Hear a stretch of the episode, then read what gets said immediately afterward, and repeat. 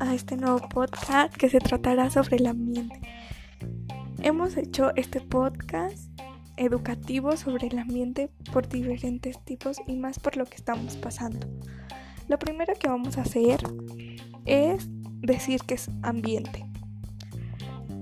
Un ambiente es el fluido que rodea a un cuerpo o circula a su alrededor.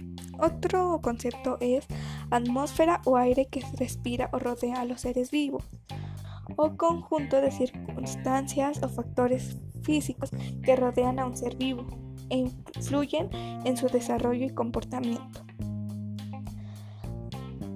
Bueno, continuemos. Hay una ley que establece las normas para la conservación, protección y mejoramiento y restauración del medio ambiente los recursos naturales que lo integran asegurado a su uso racional y sostenible y de acuerdo a lo señalado en la Constitución Política. Además establece un marco general sobre información y particularidad y formas para recurrir en México.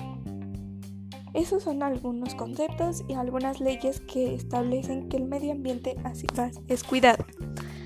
En estas épocas ya hemos recibido mucha contaminación, por lo mismo hay virus.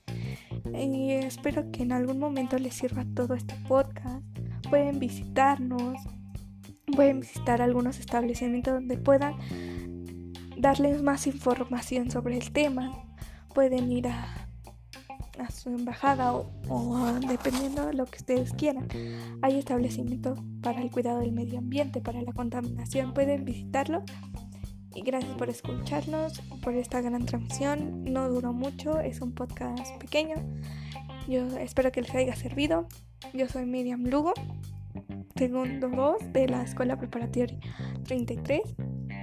Espero que les haya servido esta información.